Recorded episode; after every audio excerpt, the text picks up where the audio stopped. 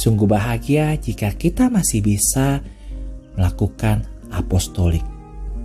Rabu 19 Januari bacaan Injil diambil dari Markus 3 ayat 1 sampai dengan 6. Sekali lagi dia memasuki rumah ibadat dan di sana ada seorang pria yang tangannya layu.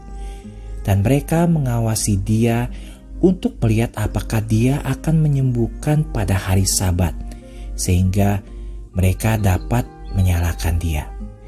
Dan dia berkata kepada orang yang tangannya layu itu, kemarilah. Dan dia berkata kepada mereka Apakah diperbolehkan pada hari Sabat untuk berbuat baik atau berbuat jahat, untuk menyelamatkan hidup atau membunuh? Tapi mereka diam, dan dia melihat sekeliling mereka dengan marah berduka atas kekerasan hati mereka, dan berkata kepada orang itu, "Ulurkanlah tanganmu." Dia mengulurkan tangannya, dan tangannya itu pulih kembali. Orang-orang Farisi keluar dan segera berunding dengan orang-orang Herodian untuk melawan dia. Bagaimana cara menghancurkannya? Sungguh kontras perbedaan antara Yesus dan orang Farisi. Lagi, Injil hari ini memulai lagi para penggerutu itu menunjukkan kurangnya perhatian mereka terhadap orang-orang yang membutuhkan.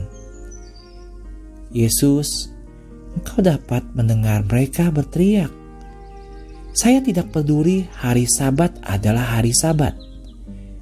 Tetapi di tengah kesunyian engkau sedih melihat mereka memandang mereka dengan marah Bagaimana mereka bisa begitu kejam? Engkau melihat mereka tetapi tidak mengatakan sepatah kata pun.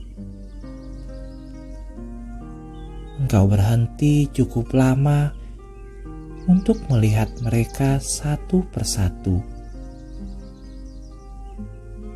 Dan engkau berduka. Kata Injil hari ini, atas keegoisan mereka. Seperti seorang ayah yang penuh kasih yang kecewa dengan anak-anaknya karena mereka saling membenci. Tapi tetap saja di dalam Yesus ada dan masih ada lebih banyak belas kasihan daripada emosionalnya. Orang yang tangannya layu membutuhkan engkau.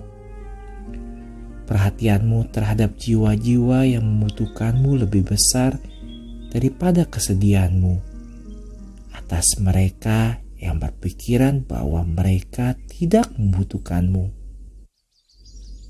Orang suci selalu memiliki semangat untuk jiwa-jiwa.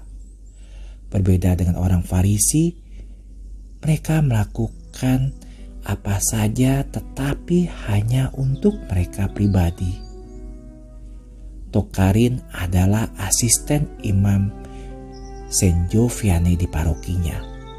Suatu hari, ia menyadari bahwa kehidupan imam suci akan segera berakhir. Di saat itu, dia melontarkan pertanyaan kepadanya, "Tuan,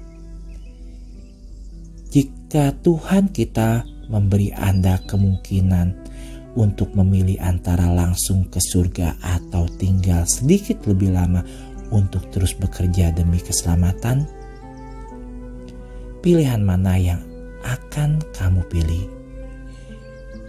Saint John menjawab tanpa ragu, saya akan tinggal. Menjadi orang kudus adalah suatu kebahagiaan tetapi mereka tidak dapat menolong jiwa-jiwa lagi untuk Tuhan seperti yang kita lakukan dengan pekerjaan dan penderitaan kita. Saint John Maria menjelaskan bahwa semangat apostolik selalu datang dengan kepedulian terus-menerus terhadap jiwa-jiwa Bunda Maria, Ratu para Rasul, bantulah aku untuk mendapatkan semangat kerasulan itu, perhatian yang nyata bagi teman-temanku, dan untuk keselamatan jiwa mereka. Bunda Maria harapan kita dan tata kebijaksanaan, doakanlah kami.